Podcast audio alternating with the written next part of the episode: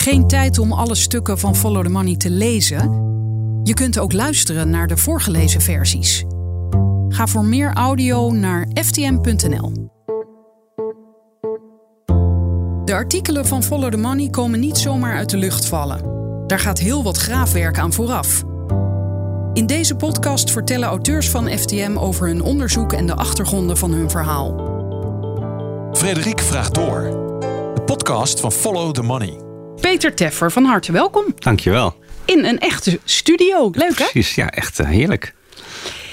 We gaan spreken over een artikel van jou dat je hebt geschreven in het China-dossier. En voor de mensen die daar nog niet van op de hoogte zijn, wat is Follow the Money aan het doen met China? Um, ja, het China-dossier is uh, nu net een paar maanden geleden begonnen. Met als doel om ja, meer inzicht te verkrijgen in Chinese geldstroom in Nederland, in Europa. Wat de invloed is van China in Europa. Uh, of er bepaalde uh, nieuwe trends zijn. En dat, dat, dat gaat eigenlijk op allerlei vlakken. Uh, onderwijs, politiek, we, we kijken naar alles. Siem Eikelenboom is daarmee begonnen. Die wilde al heel lang een groot dossier over China doen. Um, maar dat, dat gaat zo groot worden dat hij ook de hulp in heeft geroepen van andere FTM-collega's. Dus, dus wij werken nu samen met nou ja, ik weet niet, misschien zijn we met z'n tien in ieder geval met best wel veel journalisten kijken we naar vanuit elk onze eigen uh, interesse en kennis kijken we naar uh, ja, de relatie tussen China en Nederland, China en Europa. Ik heb vooral kennis van hoe de Europese Unie werkt. Dus ik ben gaan kijken naar de banden tussen EU en China. En voor dit nieuwe artikel heb ik vooral gekeken naar het Europees Parlement. En hoe er, wanneer er gestemd wordt over teksten die kritiek uiten op China, hoe Europarlementariërs zich dan gedragen. En had je dat al bijgehouden of moet je voor dit dossier uh, een hele andere kant op? Ik moest er wel induiken, maar ik heb heel lang al over de Europese Unie geschreven, dus ik weet wel hoe het Europees Parlement werkt. Dus die Dat voorsprong scheelt. had ik al wel. Ja, ik wist al wel waar je de, de teksten en de, de conceptteksten en de voorgestelde wijzigingen van teksten kon vinden. En hoe je uh, erachter komt hoe Europarlementariërs hebben gestemd. Want dat is, dat is echt geen makkie. Dat, dat zou heel makkelijk moeten zijn. Je zou gewoon naar de website van het Europese parlement moeten kunnen gaan. Klik, klik. En dan zien of jouw Europa, de parlementariër waar jij op hebt gestemd. of die een voorstel heeft gesteund of niet. Maar dat is, dat is, echt, dat is echt hogere uh, onderzoeksjournalistiek om daar goed achter te komen. We hebben ook uiteindelijk een website die een dienst aanbiedt hebben een, een, een kortlopend abonnement opgenomen. Omdat die dat allemaal veel overzichtelijker maakte. Die, die heeft gewoon een hele technische oplossing gebouwd. Om veel sneller en gemakkelijker te zien. Oké, okay, wie stemde voor, wie stemde tegen. Filteren op landen of op, op politieke kleur. Terwijl welke het, website is dat? Dat heet VoteWatch. VoteWatch, ja. Uh, dat, dat, die heeft een, een gratis uh, gedeelte. Maar om echt wat dieper te gaan, uh, vraagt ze abonneegeld. En je zegt dat we dat tijdelijk hebben gedaan omdat je de leden niet aan het schrikken wil maken dat we hun geld weggooien? Oh nee, dat niet. Maar het, het is eigenlijk gewoon belachelijk dat het Europees Parlement dit niet zelf doet. Ja. Dit, Want dit in Nederland een... kan je, in het Nederlands parlement kan je zien. Of je kunt van het Nederlandse parlement zien wat er gestemd wordt, wanneer en welke moties er zijn geweest. Alles kan je zien. Dat is openbaar. Maar in Europa dus niet? Het is wel openbaar, maar het is heel moeilijk doorzoekbaar. Je moet dan uh, je moet dan uitzoeken op welke dag die stemming is geweest. En dan ga je naar de uitslagen van die dag. Uh, dan kun je klikken op een uh, PDF. Dus dat is een, een, een soort ja, digitaal geprinte pagina. die, die, die kun je helemaal heel moeilijk in tabellen bijvoorbeeld vormen. Um, het zijn alleen de achternamen van de Europarlementariërs. Dus het is gewoon, ja, het wordt je ontzettend moeilijk gemaakt. En jij hebt het over stemmen, hè? want je wilde zien hoe de Europarlementariërs gestemd hebben als het ging uh, over China. Mm -hmm. Voordat de luisteraar denkt stemmen, uh, niet, dat gaat niet over wetten of echte definitieve beslissingen. Het gaat eigenlijk alleen maar over een soort morele uitspraken? Ja, de, de, de, de technische term is resoluties. En een resolutie is eigenlijk een politieke verklaring van het Europees Parlement. Um, je kunt zeggen, ja, waarom bemoeien ze zich daar überhaupt mee? Want op buitenlandgebied uh, hebben alle lidstaten nog steeds hun eigen beleid. Maar er is sinds al een aantal jaar wel een gezamenlijk Europees beleid en een gezamenlijke ja, hoge vertegenwoordiger heet die persoon. Een soort van minister van Buitenlandse Zaken, die niet echt een minister mag heten, want dat willen de eh, ministers van de, de lidstaten niet. Ehm, dus het Europees Parlement heeft in die zin geen, geen juridische macht om te zeggen dit en dit moet gebeuren. Maar ze kunnen wel ja, een signaal, een signaal afgeven. Een politiek signaal waarin ze zeggen dit en dit vinden wij onacceptabel. En eigenlijk is standaard uh, in de week dat de, het parlement in Straatsburg vergadert, is donderdag Mensenrechtendag. Uh, dan, dan komen allerlei resoluties ter stemming die gaan over de situatie van mensenrechten in de wereld. En nou ja, uh, ik heb gekeken naar specifiek de resoluties over, over China. En ook de specifieke wijzigingen die soms werden voorgesteld. Ja, en dan moeten we even een stapje terug doen. Want uh, de aanleiding was, volgens mij, uh, dat jij uh, erachter kwam dat er een onofficiële vriendenclub van China is. Die gefeteerd werd door China. En jij wilde weten of de mensen die lid zijn van die club, of lid waren, of die anders stemden als het ging over China dan andere Europarlementariërs. Zeg ik het zo goed? Uh, ja en nee. uh, dat was niet de eerste aanleiding. Uh, het begon met het feit dat eind vorig jaar de Europese Commissie en China een principeakkoord hadden gesloten over investeringen. Die bedrijven die in China investeren en andersom moeten beschermen tegen willekeur. En die ook de markt voor Europese bedrijven iets meer open moet maken. Dat is er onder hoge druk van onder andere Duitsland, die natuurlijk veel economische belangen heeft bij exporteren naar China, is, dat, is er gekomen. Maar dat kan alleen maar van kracht worden als het Europees Parlement daarmee akkoord gaat. Het is het type akkoord waarbij de, de nationale parlementen geen stem hebben, omdat de ministers hebben besloten om een mandaat te geven aan de Europese Commissie om namens de hele EU te onderhandelen. Dus dat was eigenlijk in dat kader dat ik dacht: het, parlement, het Europees Parlement is straks degene die bepaalt of dat investeringsakkoord er komt of niet. Want zij moeten er wel over Want stemmen. zij moeten erover stemmen. Dus is het belangrijk om te weten hoe de verhoudingen liggen als het gaat over uh, bijvoorbeeld mensenrechten in China. Maar gaandeweg kwam ik er inderdaad achter. Nou ja, ik kwam er niet achter, er, er was over gepubliceerd. Dat er een uh, vriendschapsgroep bestaat. Die term klinkt uh, misschien een beetje gek. Het Europees Parlement heeft officiële delegaties van parlementariërs die uh, op bezoek gaan naar, naar allerlei landen in de wereld. Om daarover terug te rapporteren naar hun collega's. Maar je hebt ook officieuze clubjes. En uh, die worden vriendschapsgroepen genoemd.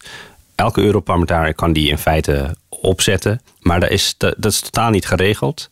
En het is, het is ook niet erg transparant. Want hoewel het Europees Parlement formeel wel zegt, ja, we erkennen dat ze bestaan, uh, uh, kun je geen website vinden, uh, geen ledenlijst, helemaal niks. Maar, um... Dus hoe moet je er dan achter komen dat er meerdere, want dat hoor ik nu. Mm -hmm. Ik dacht dat er één vriendengroep was, maar er zijn dus meerdere van. Ja, er zijn, er zijn voor verschillende landen bandenachtige vriendschapsgroepen. En ja, daar, daar, kom je achter omdat die dan wel zelf een website bijvoorbeeld hebben of hebben gehad. Maar waarom wordt um, dit niet officieel gemaakt dan? Omdat er al een officiële China-delegatie is. Aha. Maar deze mensen willen een andere aanpak of zo? Ja, uh, over, over hun motieven, dat is lastig te, te zeggen. Maar ik putte veel uit een onderzoek van een. Uh, dat gepubliceerd is bij een Tsjechische denktank. Van uh, ene Jisang Lulu. Die heeft hier veel onderzoek naar gedaan. En ook Chinese-talige bronnen kunnen, kunnen raadplegen. En de, de reden waarom het was opgezet was vooral om Europarlementariërs ja, anders te laten denken over China. En ja, je, kunt je natuurlijk afvragen, kip of het ei, waren de leden van deze groep al pro-China, en dat zeg ik dan even versimpeld, pro-China, uh, en, en hebben ze volgens deze groep opgericht? Of uh, is deze groep opgericht en is toen hun mening bijgesteld?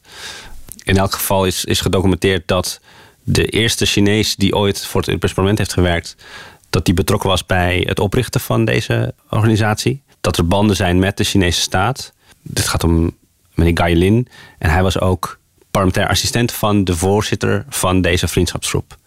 Toen die voorzitter, toen hij wegging, um, werd hij assistent van de volgende voorzitter van die vriendschapsgroep. Um, daar is uiteindelijk ook in de Engelstalige media een en ander over verschenen onlangs. Eerst door Bloomberg en later ook Politico Europe. Dat is in, in Brussel veel gelezen. website.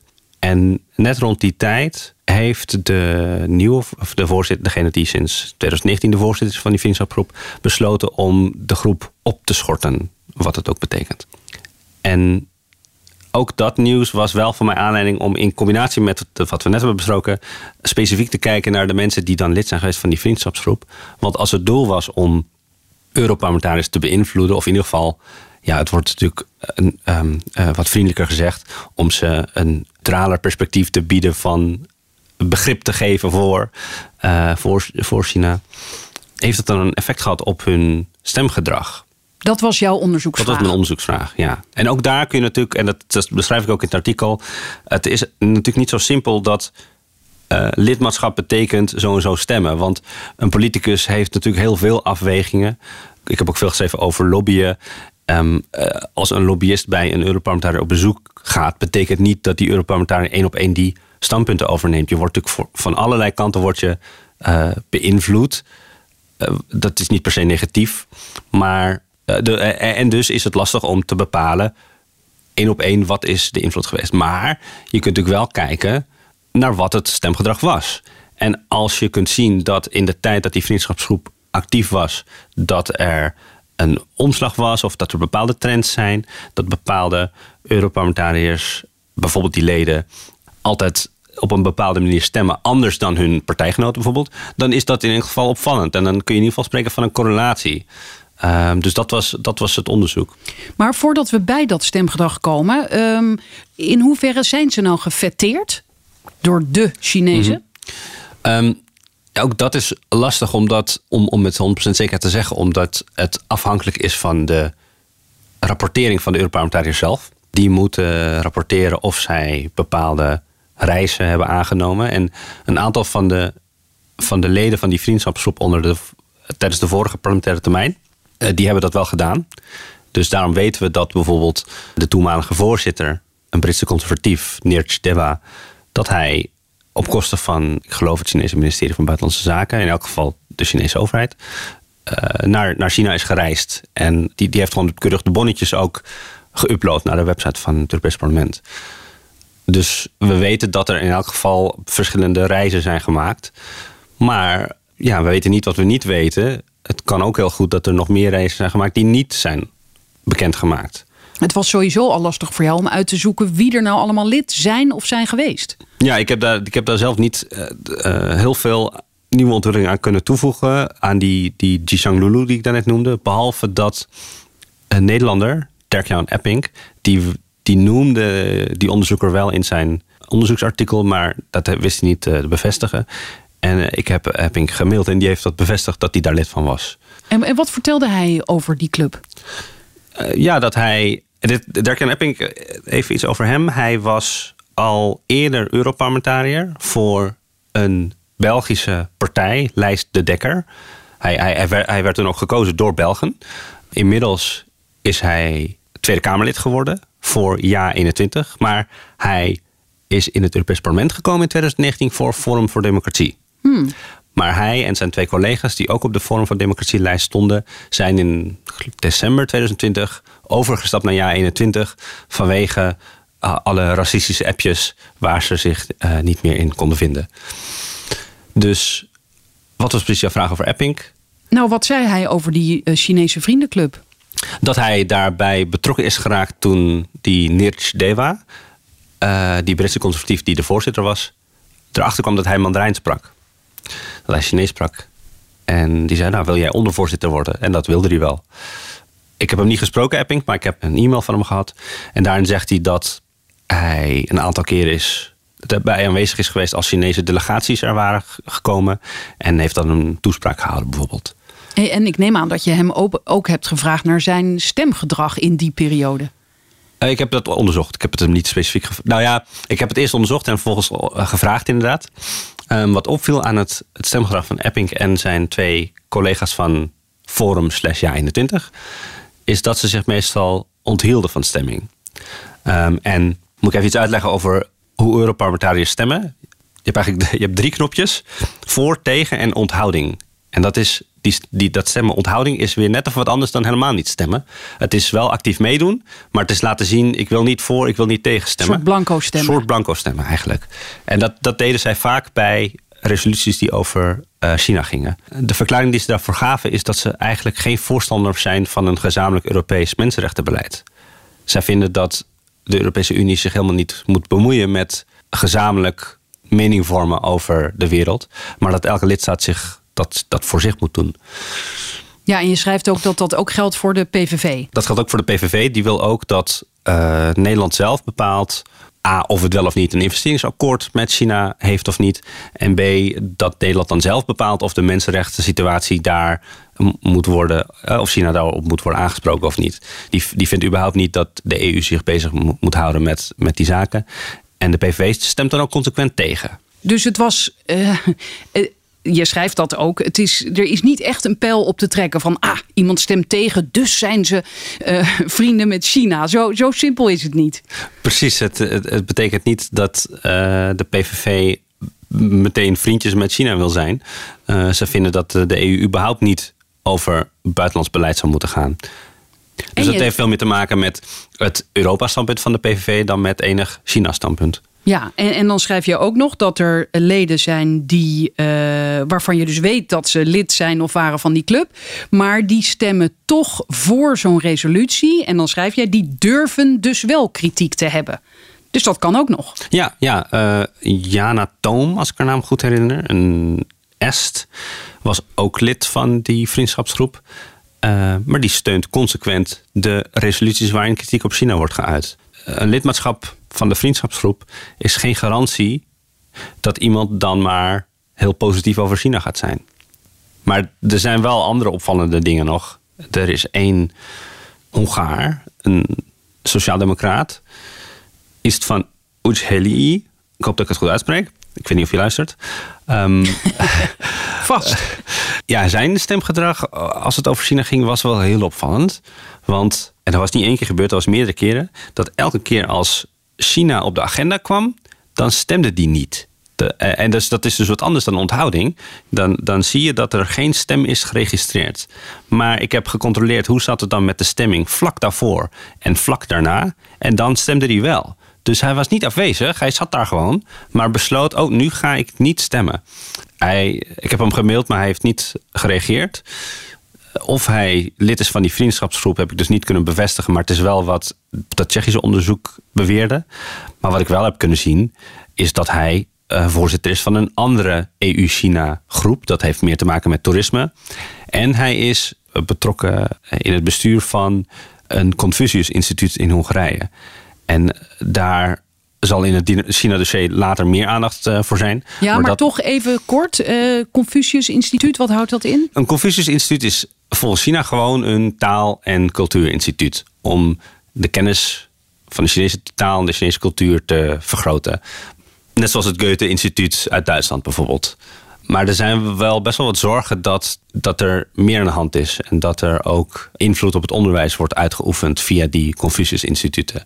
Oké, la, later meer daarover in dit China-dossier. En nu heb je een beetje laten zien uh, wat jouw onderzoek behelste. Dus het stemgedrag van die individuele parlementariërs. Dat is nog niet eenduidig, zoals je vertelt. Um, maar nu even het grotere beeld. Wat is op dit moment de houding van Brussel ten opzichte van China? Kritisch, erg kritisch. En eigenlijk uh, het stemgedrag van het Europees Parlement uh, als geheel is wel vrij eenduidig. Er zijn hele comfortabele meerderheden voor die resoluties met kritiek op China. De zes uh, recentste resoluties was het altijd boven de 80 procent. Uh, soms bijna 90%. Dus die steun om gewoon hardop te zeggen dat eh, het Europees Parlement de situatie van de mensenrechten in Hongkong en in Xinjiang niet accepteert, die steun is, is heel groot. En dat is de laatste maand eigenlijk alleen maar groter geworden. Want, en dat, dat hebben luisteraars ongetwijfeld in het nieuws meegekregen, de Europese ministers hebben besloten om een aantal Chinezen op een sanctielijst te zetten om ze verantwoordelijk te houden voor de mensenrechten schendingen bij Oeigoeren. In reactie daarop, meteen dezelfde dag, heeft China een aantal Europeanen op een sanctielijst gezet. Onder wie vijf leden van het Europees Parlement. En ook een Nederlands D66-Kamerlid trouwens. Maar die vijf Europarlementariërs, ja, dat, dat neemt het Europees Parlement natuurlijk China niet in dank af. Want wat doet China in reactie op sancties die de mensenrechten betreffen? Zetten ze mensen op een sanctielijst die kritiek hebben geuit.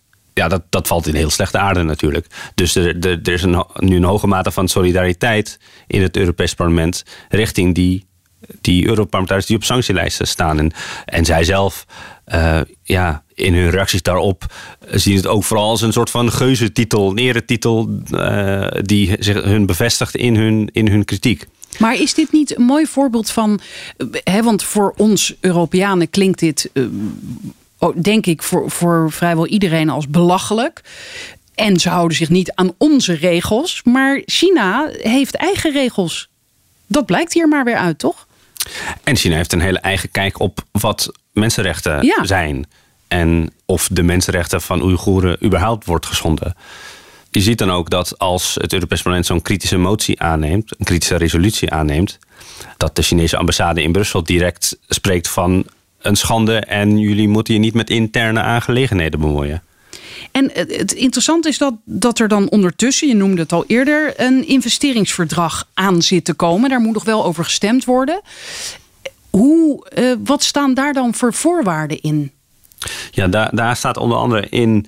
Uh, nou ja, wat er precies in dat investeringsakkoord staat, dat uh, weten we nog niet. Beetje bij beetje komen er wel steeds stukken uit naar, naar buiten. Maar de Europese Commissie is nog bezig om nou ja, echt op alle punten en komma's een laatste controle te doen. De onderhandelingen voor het investeringsakkoord zijn al lang gaande. Het is in 2013 geweest dat de Europese Commissie het mandaat heeft gekregen om met China hierover te praten. Het mandaat van wie? Van de, de lidstaten.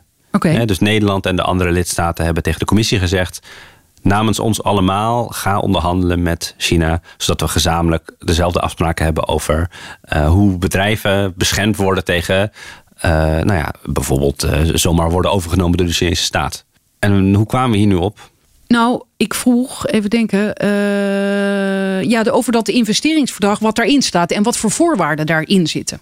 Um, wat mij nog niet heel duidelijk is, is hoe de mensenrechten situatie verbeterd zal worden als gevolg van dat akkoord. Dat komt ook omdat ik de, de, de, de stukken die er al zijn nog niet heb gelezen. Dus misschien heb ik nog iets gemist. Maar in elk geval hoor je wel geluiden in het Parlement van, van partijen die zeggen: wij willen pas akkoord gaan met het akkoord als duidelijk is dat die de mensenrechten uh, verbetert. De mensenrechten situatie. Ja, en dan denk je als toehoorder, ja, vergeet het maar. Ja, dat zou je denken inderdaad. Ja. ja. ja. Ik heb wel in het artikel een vergelijking gemaakt met een, een soortgelijke situatie die niet zo lang geleden is uh, geweest. Namelijk een akkoord, een handelsakkoord tussen de Europese Unie en Vietnam. Ook in Vietnam worden mensenrechten geschonden, worden journalisten opgepakt uh, omdat ze kritisch zijn. En daar is het Europees Parlement ook heel, heel kritisch op geweest. Die hebben er ook allerlei resoluties over aangenomen waarin ze hebben gezegd: dit kan niet. Maar, puntje bepaaltje, toen er gestemd werd over het handelsakkoord tussen de EU en Vietnam, was er een meerderheid voor. Jo, echt? Was het geld belangrijker? Dat zie je niet vaak. Nou, dat, dat is inderdaad wat je ziet als het om dit soort kwesties gaat. Het is vrij gemakkelijk om, en dan bedoel ik politiek gemakkelijk, om te zeggen: deze mensenrechten schending is een schande. Maar het is wat anders om daar de consequentie aan te verbinden. Dan gaan we ook niet akkoord met, deze, met dit handelsverdrag.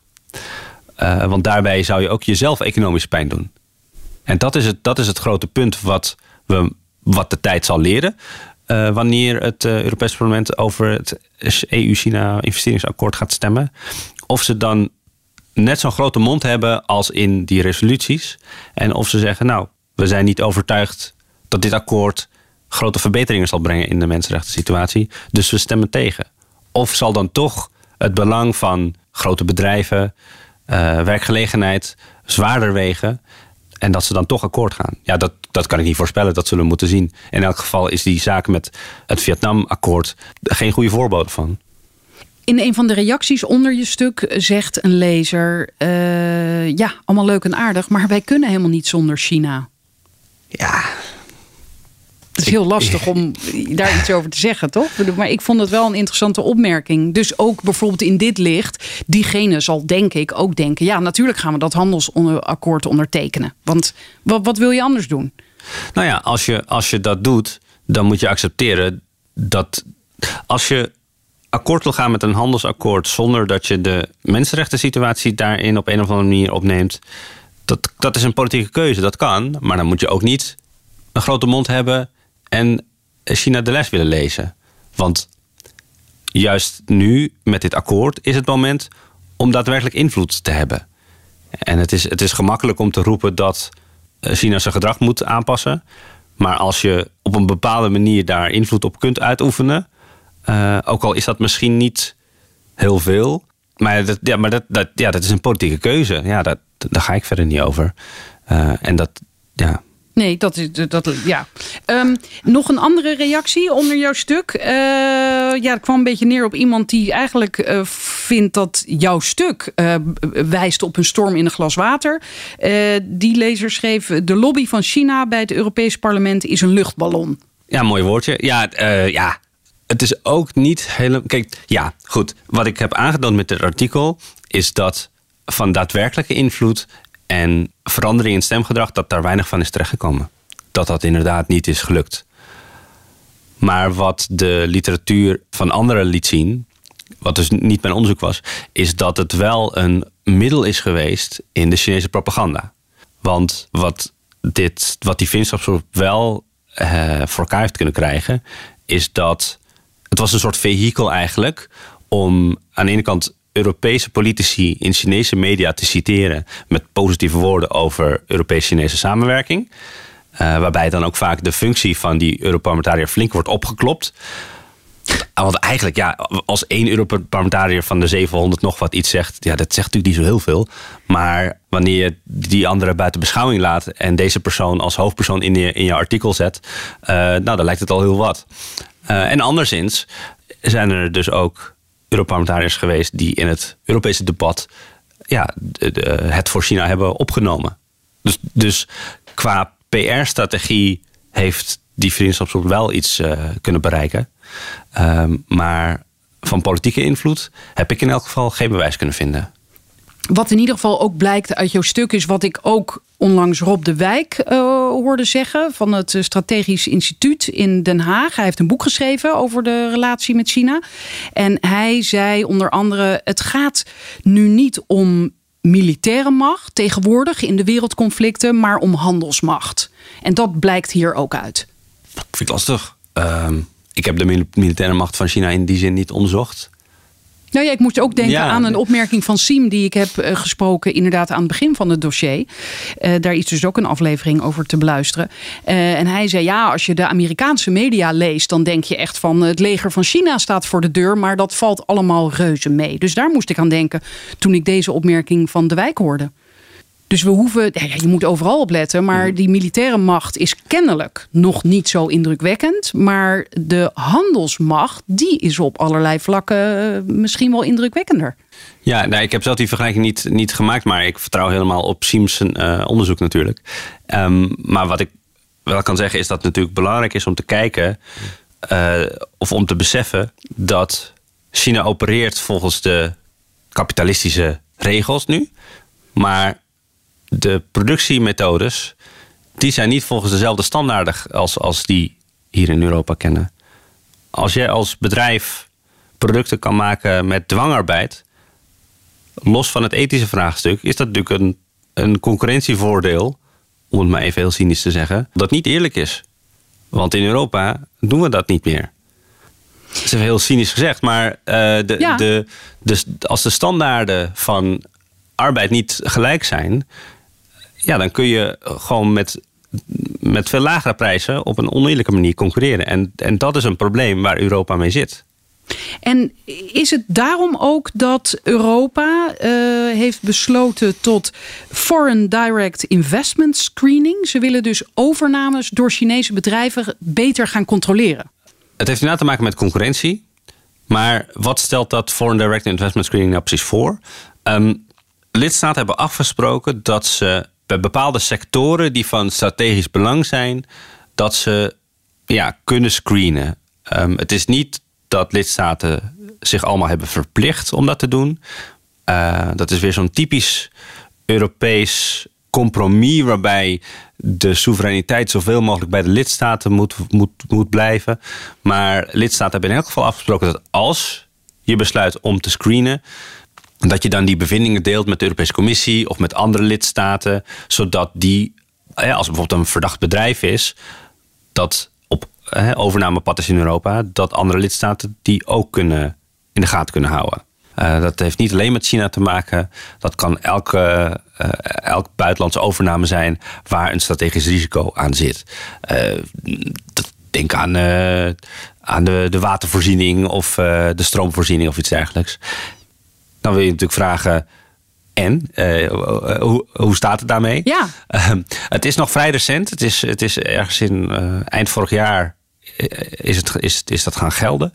En ik heb wel een WOP-verzoek ingediend bij de Europese Commissie met de vraag: ja, wordt hier gebruik van gemaakt? Hebben lidstaten investeringen gesignaleerd die verdacht zijn of, of uh, vanuit strategisch oogpunt onwenselijk? En de reactie daarop in eerste instantie was: nee, dat gaan we niet bekendmaken. Want dat is juist een strategisch risico om dat openbaar te maken. en dus, daar zit ook wel wat in. Ik kan me dat wel voorstellen, maar uh, ik ben nog wel in beroep gegaan. Omdat ik wel wil weten of er in elk geval gebruik van is gemaakt. Ik snap dat je dat niet in zo'n proces nu al bekend maakt. Dit en dit bedrijf hebben wij op de radar. Want dan, dan dan verstoor je het onderzoek. Verstoor je het onderzoek. Dus dat, dat, dat lijkt me op zich een legitiem, legitieme reden om het nog niet openbaar te maken. Maar um, ja, ik ben wel benieuwd nu deze nieuwe optie er is, of er überhaupt gebruik van wordt gemaakt. Want dat zou niet de eerste keer zijn dat lidstaten met veel poeha Europese samenwerking afspreken, maar dat er in de praktijk eigenlijk niet veel van terecht komt. Wordt vervolgd. Sowieso, wordt vervolgd. Ja. Dankjewel, Peter. Graag gedaan. Tot zover deze aflevering van Frederik Vraagt Door. Wil je meer horen en lezen? Ga naar ftm.nl en krijg ons een maand op proef.